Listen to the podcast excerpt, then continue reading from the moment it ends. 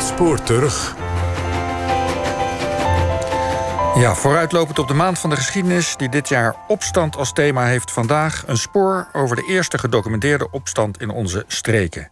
Het is het jaar 28, als de Germanen, die de kuststreken van Noord-Holland bewonen, in het geweer komen tegen de Romeinse troepen al daar. Historicus Tacitus vertelt hoe ze Romeinse belastinginners uitmoorden, hun legerplaats bestormen en een nagestuurde strafexpeditie ook nog eens uitmoorden.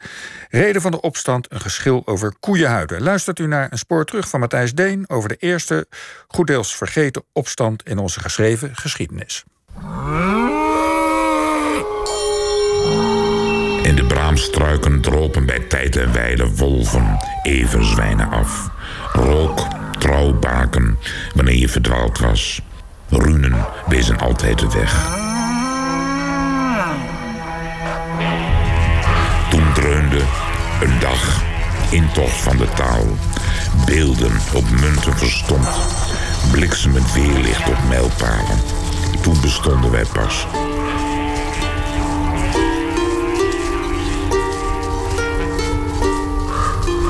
Geschiedenis nam ons in met heldere weefsels, citroenen, ingekrastheid en wijn. Intocht wees onze plaats aan, rebellie. Maar eerst vervuilden wij nog bakstenen, bouwden kazernes op, boden onze rog aan, wildpraat, langs hun straatweg. Overwonnenen, maar nu bestonden wij pas.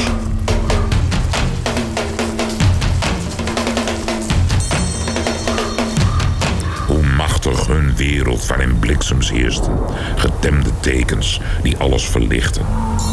Wij staken de koppen bij elkaar.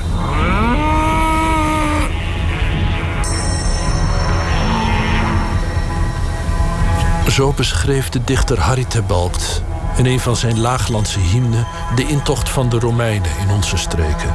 Als de intocht van de taal, opmaat tot handel en rebellie. De oerknal van onze plek in de geschiedenis. Toen bestonden wij pas. Ook de Romeinen ontkwamen niet aan de werking van het landschap. De rivier, de eerste natuurlijke weg naar het noorden, droeg ze naar onze streken, naar de delta. Ze gingen aan land, ze legden dijkjes en kanalen aan, ze bouwden landingsplaatsen, later forten. Tot dan toe hadden ze vooral de Gallische oever van de Rijn gehouden... met bossen op de overkant. De dreiging van de Germanen. Die andere wereld die duister was. Maar hier, helemaal in het noorden, woonde in de delta... en boven de noordoever van de Rijn de Friezen. Een Germaanse stam die de kuststreken bevolkte. Wat we nu Noord-Holland noemen, de duinen, de moerassen. Het waddengebied dat nog grotendeels droog was. Tot aan de Terpen, waar hun leefgebied grensde aan de kort aangebonden buren, de Gauken. Historicus Bent Kermans. Caesar is natuurlijk degene die eh, het Romeinse Rijk uitbreidt tot aan eh, de Rijngrens, zou je kunnen zeggen.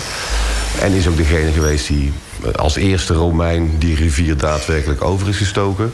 In contact komt met een aantal stammen daar. En de situatie was eigenlijk dusdanig dat die, die stammen in dat grensgebied, die waren nogal mobiel. Uh, die verplaatsen nogal eens uh, hun, hun, legers naar de overkant van de rivier. In principe is het zo dat die, dat die Germanen uh, niet gewend zijn aan een grootmacht als Rome in die regio. Ze doen eigenlijk wat ze altijd doen. Dat is namelijk kleine plundertochten houden. Dus de Romeinen proberen die situatie enigszins te stabiliseren. En wat we dan zien, ongeveer zo vanaf 20 voor Christus, misschien alles iets daarvoor, dan zien we dat die Romeinen ook in die uh, Rijnstreek een aantal forten beginnen te bouwen. En dan zien we in 12 voor Christus dan zie je eigenlijk een soort exploratietocht ontstaan. Die Romeinen, onder aanvoering van Drusus... die hebben overigens al een aantal uh, kanalen laten graven... en een aantal dammen laten uh, bouwen... om bijvoorbeeld de route vanaf de Rijn naar het huidige IJsselmeer... De, het Flevomeer, te kunnen verbeteren. En je ziet dan op een gegeven moment dat Drusus dan uh, via die zeewegen of via die waterwegen naar het noorden trekt. En dan voor de eerste keer opduikt in het gebied uh, van de Friezen.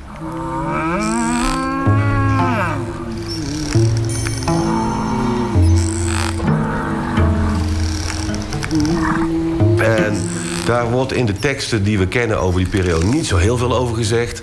Behalve dat die Friesen, in tegenstelling tot de meeste van die Germaanse stammen, onschuldig ogen. Ze lijken redelijk meegewerkt te hebben met de Romeinen. Als die Romeinen opduiken in hun streken, uh, dan, dan wordt er gezegd ze worden onderworpen. Uh, nou, wat dat dan precies betekent, dat, dat, dat, daar spreken die bronnen zich niet over uit. Maar ik neem aan dat die Romeinen met een flinke demonstratiemacht opduiken... en dat die Friesen dan vervolgens toch al heel snel hun hoofd buigen. En dan wordt er eigenlijk afgesproken dat die Friese uh, uh, soldaten, krijgers gaan leveren... als hulptroepen voor de Romeinen. En er wordt door Drusus afgesproken dat die Friesen een kleine schatting gaan betalen. Dus een, een soort belasting... En dat heeft niet al te veel om het lijf. Dat wil zeggen, ze moeten uh, koeienhuiden afstaan. En uh, dat gebeurt kennelijk in de jaren daarna altijd trouw en braaf. Um, en er wordt ook gesuggereerd dat de kwaliteit van die runderhuiden niet al te best was. En dat die huiden ook niet al te groot waren. Maar die Romeinen vonden dat eigenlijk in het beginstadium wel prima.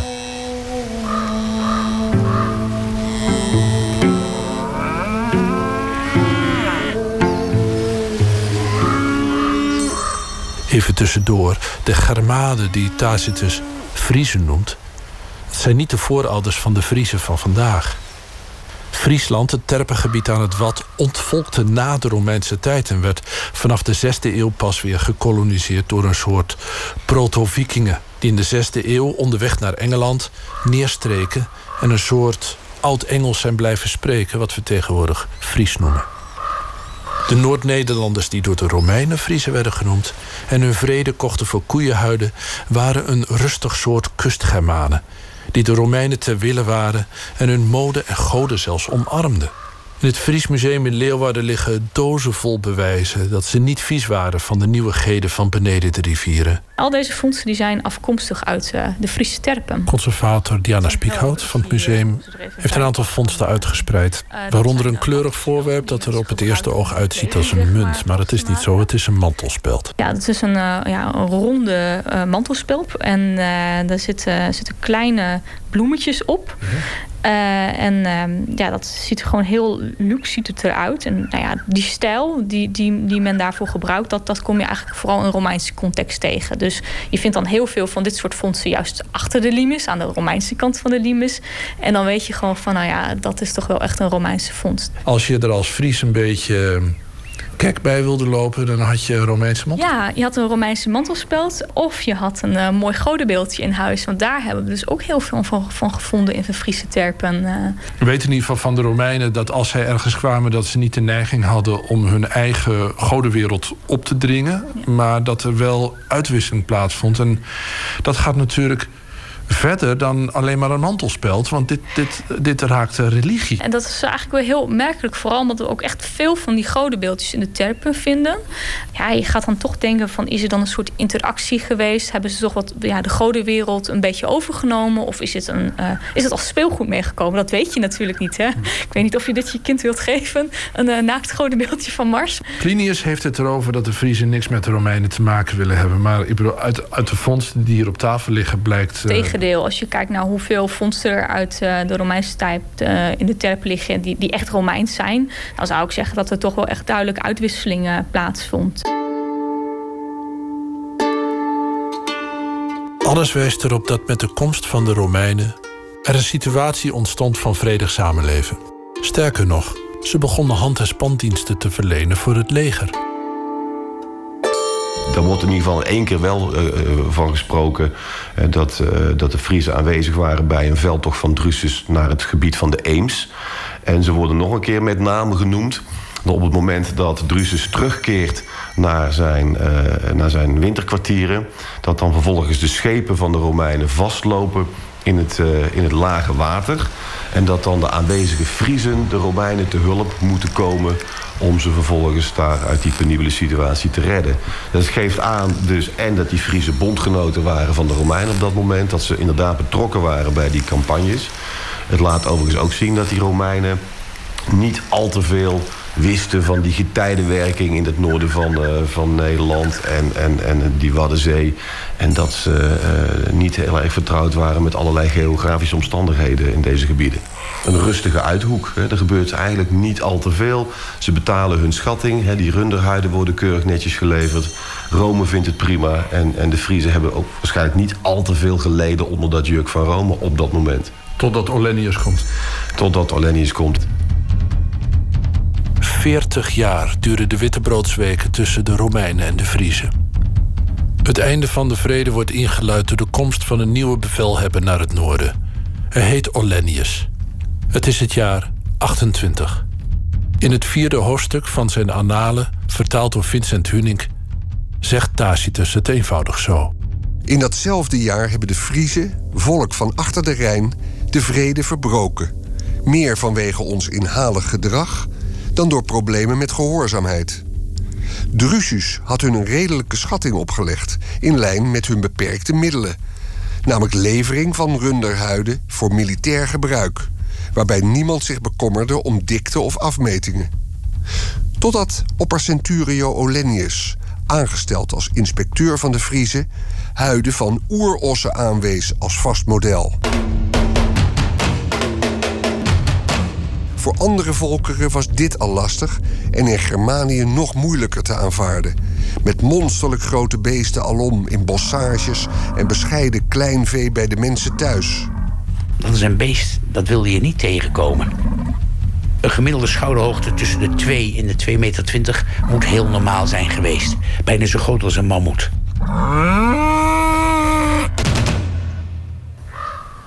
Misschien hebben de Friesen wel in leidzaam protest de Romeinse belastinginders opgezadeld met de scharminkeligste huiden uit hun stallen. Misschien werden de Romeinen te inhalig. Hoe dan ook.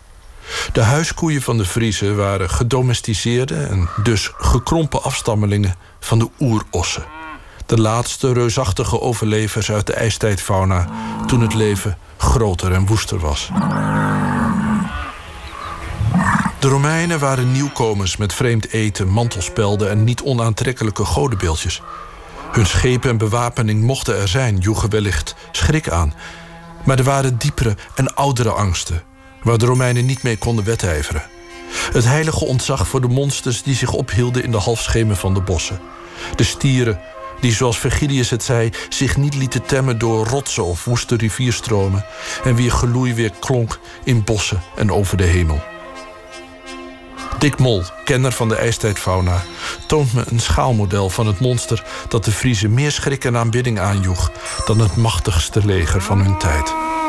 Kijk, deze, dit model, een schaalmodel, gemaakt door Remy Bakker, geeft mooi aan dat het een rund is. Het is ook de voorouder van ons huisrund, hè, van de koeien die we nu nog in de weide zien lopen. Dat zo'n uh, zo rund weinig beharing heeft gehad, als korte beharing, is mooi glad. En zijn graag aangepast aan het leven in het bos. En dan heeft hij horens gehad, veel langer, maar ook veel meer gedraaid. Er zit een extra torsie in, die hem dan dat beeld geeft zoals die mooie Spaanse stieren dat ook hebben. ze groeien naar de zijkanten, dan gaan ze naar voren, naar boven en dan een klein beetje naar achteren. Refererend aan het verhaal wat jij vertelt, kan ik me heel goed voorstellen dat degenen die nog in het wild leven, in hele kleine groepjes, twee, drie, vier dieren bij elkaar, dat zijn de echte grote oerossen geweest. Dat is een beest, dat wilde je niet tegenkomen. Dan beginnen de problemen, want uh, uh, dan beginnen de, de Friesen zelfs met, met uh, andere dingen maar aan te bieden. Ze bieden zelfs hun vrouwen en kinderen als slaaf aan. Maar dat is voor Olennius niet voldoende. Hij wil die grote runderhuiden. Ja, en dan is voor de Friesen op een gegeven moment de maat vol. En dan zullen zij naar de wapens grijpen. Zo stonden de Friesen eerst hele runderen af. Daarna akkers. Ten slotte vrouwen en kinderen met wrok en klachten als gevolg. En toen er niets aan gebeurde, zocht men redding in oorlog. Soldaten die toezicht hielden bij de schatting werden overrompeld en aan het kruis geslagen. Olennius was de aanvallers voor door te vluchten. Vond een heenkomen in een fort genaamd Flevum. Een niet onaanzienlijke troepenmacht van Romeinen en bondgenoten bewaakte daar de oceaankusten.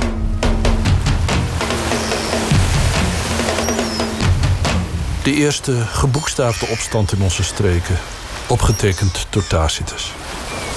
Maar klopt het wat Tacitus beweerde? Ging het echt om oerossen? Was er echt een Fort Flevum waarin Olennius zich met zijn troepen terugtrok? En waar heeft het dan gestaan? Tacitus schreef geschiedenis niet alleen als chroniqueur, maar ook met literair en politiek oogmerk. Om de nagedachtenis van Tiberius te kleuren, die in 28 keizer was. Om een verhaal te vertellen dat voldeed aan een interne literaire logica.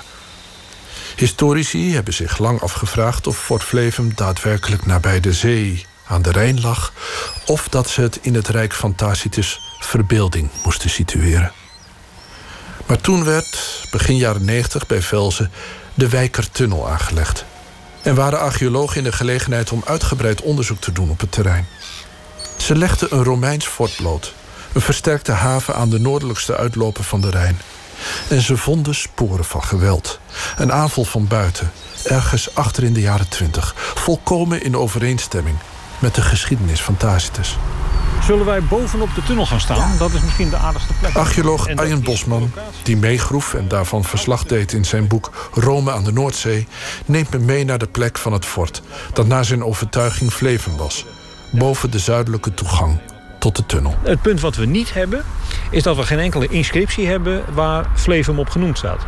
dus het mooiste zou zijn als je de omgevallen uh, toegangspoort zou hebben... of, of het slagboom met hier, nu komt u Fort Flevum binnen en even melden bij de wacht. Dat hebben we helaas niet, maar ik, ik ben er eigenlijk wel van overtuigd dat we hier Flevum te pakken hebben. En hoe zag dat Flevum eruit? Ik bedoel, stel je ziet het in de, in de vlakte liggen, beschrijf het eens. Er loopt hier een Rijntak door het landschap heen. Het landschap is vrij laag. De hogere duinen zijn er nog niet. Er liggen alleen wat, wat, wat oude duinen, wat lagere duinen langs de kust. En het is gras, drassig voor een deel. Hier zeker rondom eh, het, het water. We horen het ruisen van, van uh, de, de, snelweg uh, die onder ons doorgaat. En uh, de tunnel ligt als het ware dwars door een deel van het fort en dwars door de haven heen. Het fort ligt op de oever van het oerei. En in dat oerei steken een aantal stijgers, pieren waarvan een aantal verbonden zijn op, omdat ze samen liggen op een platform. En via die pieren kwam je dus het fort binnen. Dus het, dus het is echt een versterkte haven? Het is een versterkte haven, ja. ja, ja, ja. Met militaire aanwezigheid? Zeker militaire aanwezigheid. Het is een, een, een, militaire bouw, want hetgeen wat je op het land hebt... dat is gewoon typisch een vroeg Romeins fort. Hè, met, met, met grachten eromheen, een wal en op, op regelmatige afstand uh, torens daarin... zodat ze uh, de, de omgeving goed in de gaten konden houden. En op het moment dat het onraad was, konden ze naar buiten. En, uh, of, of met de schepen of, of over land de, de vijand tegemoet.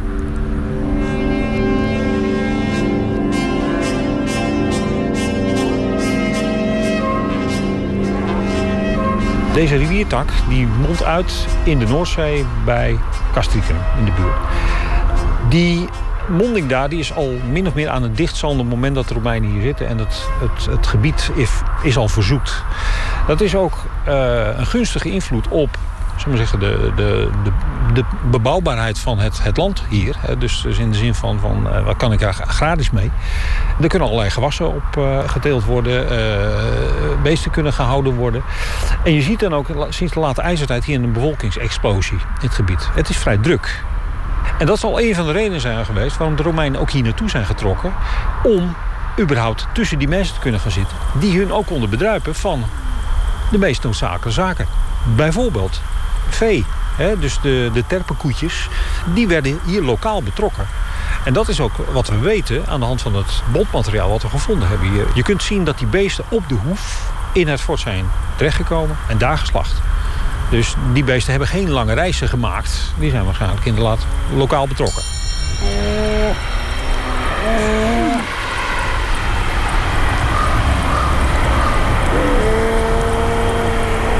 Hier bij Velzen 1 hebben we juist een aantal uh, zeer aparte vondsten. Uh, uh, 520 gelode slingerkogels die in een patroon liggen. Dat je denkt, nou ja, daar zou ik een veldslag uit kunnen destilleren.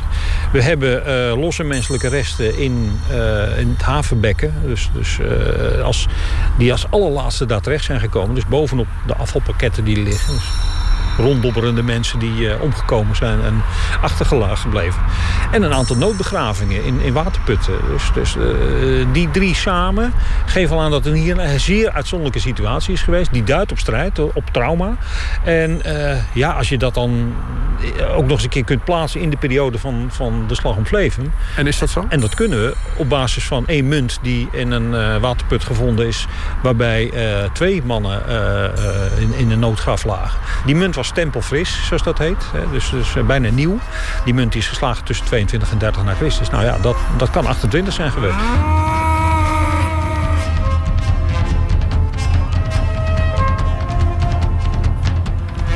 De Romeinen hebben geweten dat er iets zat aan te komen. Daar hadden ze voldoende contacten voor, meestal in de omgeving. Het zal niet als een volkomen verrassing zijn gekomen. Uh, ze hadden slingerkogels klaar liggen. Dat is de stem van historicus Jona Lendering. Ze hebben zich wel voorbereid, maar niet heel grondig. Ze hebben waarschijnlijk niet in de gaten gehad hoe groot het verzet zou zijn, hoe goed georganiseerd. Um, ze zullen ja, alle verloven hebben ingetrokken. Uh, de, de, de, alle wapens nog even gepoetst hebben. De, de torens hebben geïnspecteerd. Klopt het hout? Ze hebben de grachten voorbereid. Zijn die nog even uitgediept. Zeker weten dat eventuele uh, vallen in die, het, van die metalen punten... die je aan de onderkant hebt in zo'n hal... waarmee je mensen nog even lekker bezeren kunt... als ze in de gracht terechtkomen. Dat hebben ze aangepunt. Alles is voorbereid. En die kerels wisten, ja, het gaat erom spannen. Maar dat was ook een vak. Dus...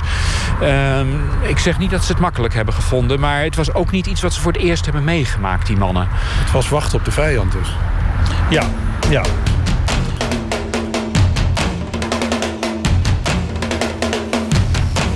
Je kan je voorstellen hoe het die troepen vergaan is. En misschien waren het de legionairs die er al jaren zaten.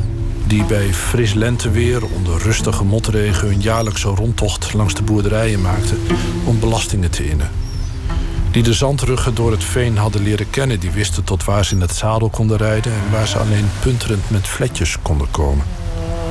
En een beetje handelen. De boeren zo langzamerhand bij naam noemen. Mantelspelden ruilen tegen een zak roggen. De duinen, de graslanden, de leeuwerikken boven hun helmen. Zo langzamerhand weten wat wel te zeggen, wat na te laten. Het hoofd te buigen voor de plekken waar de voorouders begraven liggen.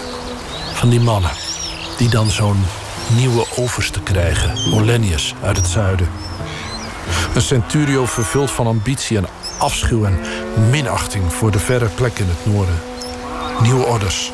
Geen halfzachte toenadering meer. Geen genoegen nemen met de afdankertjes die ze in handen geduwd krijgen. En dan weten, dit kan alleen maar slecht aflopen.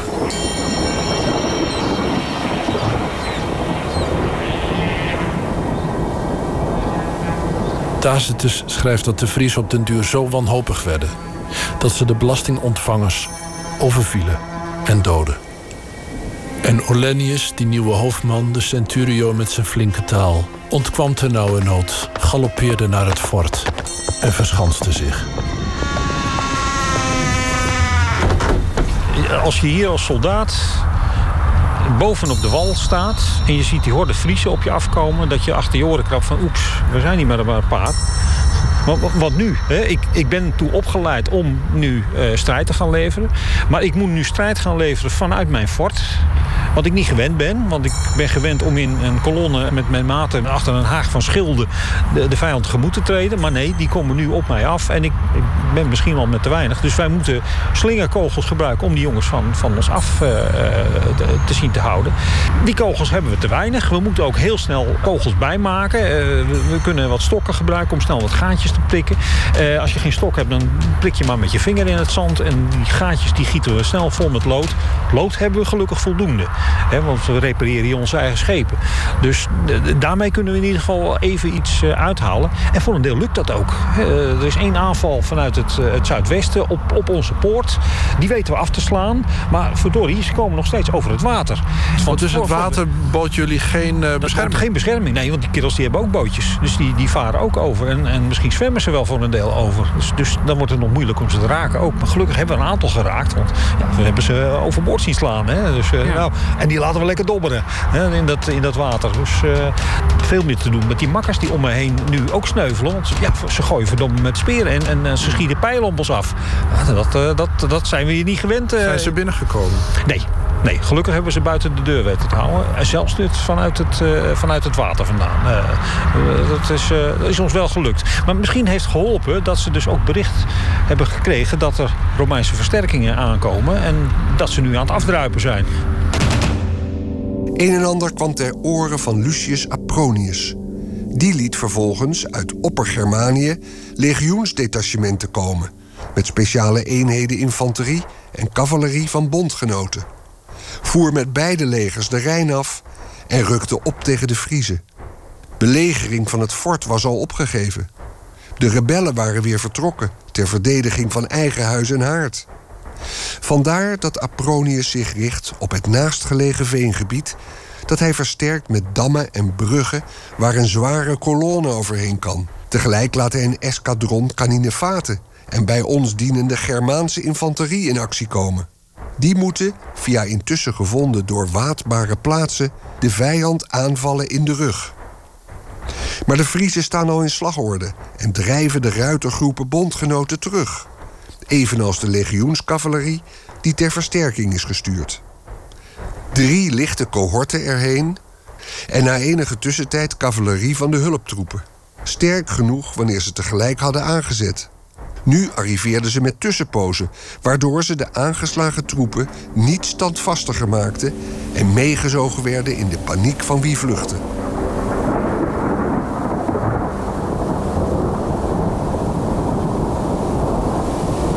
Nou, ik denk dat een, een, punt wat mij als Fries heel boos zou maken... is uh, om te beginnen natuurlijk die belastingen. Dat is, dat is één factor. Ik denk dat een andere factor uh, is dat even verderop hier in Velzenbroek...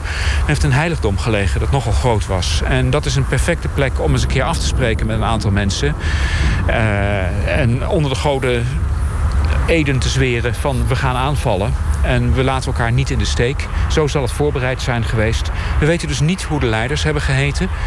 En dat is eigenlijk ook waarschijnlijk heel significant. Omdat Tacius over het algemeen heel goed weet hoe de vijanden heten. Dat is ook wel iets wat je opschrijft. Het zal een lokaal georganiseerd verzet zijn. En dat zal groter zijn geweest dan alleen maar dit deel van Noord-Holland. Ik stel me voor dat er mensen zijn gekomen uit een wat wijdere uh, omgeving. Men heeft zich voorbereid en men heeft de Romeinen op een gegeven moment aangevallen en hard gevochten. Uh, men is dicht bij de overwinning gekomen, heel dicht bij de overwinning gekomen. En in zekere zin hebben ze ook uiteindelijk gezegevierd, want de Romeinen zijn weggegaan en dat zullen ze onthouden hebben. Woede over uh, de belasting zal dan op een gegeven moment weggetrokken zijn ten opzichte van de herinnering aan een trotse, uh, eervolle strijd. De Romeinse aanvoerder ging niet over tot represailles of het begraven van lichamen. Terwijl toch veel infanterie- en cavalerieofficieren en vooraanstaande centurio's waren gesneuveld. Kort daarna meldingen van overlopers. Over 900 Romeinen die bij een heilig woud, genaamd Baduena, de gevechten hadden voortgezet en waren afgemaakt. En een andere troep van 400 man had het landgoed bezet van Cryptorix, ooit in Romeinse dienst, waar men elkaar, toen de vrees opkwam voor verraad, wederzijds het leven had genomen. Sindsdien stond de naam Friese in aanzien bij de Germanen. De eerste gedocumenteerde opstand op onze bodem. Begonnen om koeien, om geld, om eer, verliep gesmeerd. Tacitus meldt zelfs dat Tiberius, de keizer, nooit wraak is komen nemen. Integendeel. De ruzie werd al gauw bijgelegd. De Romeinen hadden weliswaar Fort Flevum verlaten, de haven ontmanteld, de bronnen vergiftigd. Maar een paar jaar later stond er even verderop op de plek waar nu de Velsen-tunnel loopt, een nieuw fort. En in het Fries Museum in Leeuwarden bevindt zich het plankje van Tolsum, een geschreven overeenkomst helemaal uit het noorden van ons land in het Latijn over een meester die een slaaf koopt. De Romeinen en de Noord-Nederlanders kortom hebben een tijdje gedaan alsof er niets gebeurd was. Totdat Rome inzag dat het wellicht meer bij onze streken past om de Rijn niet alleen te zien als een transportroute van en naar het noorden, maar ook als grens. Dat er in de delta een land is boven en een land beneden de rivieren. Een streng kustgebied van terpen, koeien, gedroogde platvis en regenwater. En een zachte deel ten zuiden van de rivier van vijgen, wijn en verwarmde badhuizen. Op de plek van Fort Flevum staat nu geen monument.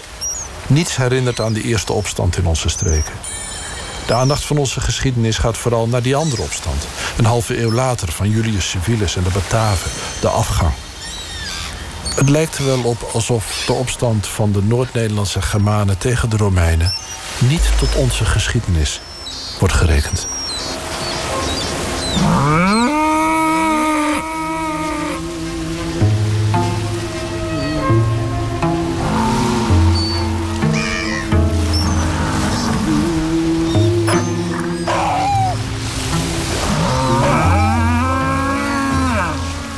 Ja, dat was het verhaal van de eerste opstand in onze geschreven geschiedenis. Als u oog in oog wil staan met een oeros... dan kan u vanaf volgende week terecht in het museum Klok en Peel in Asten.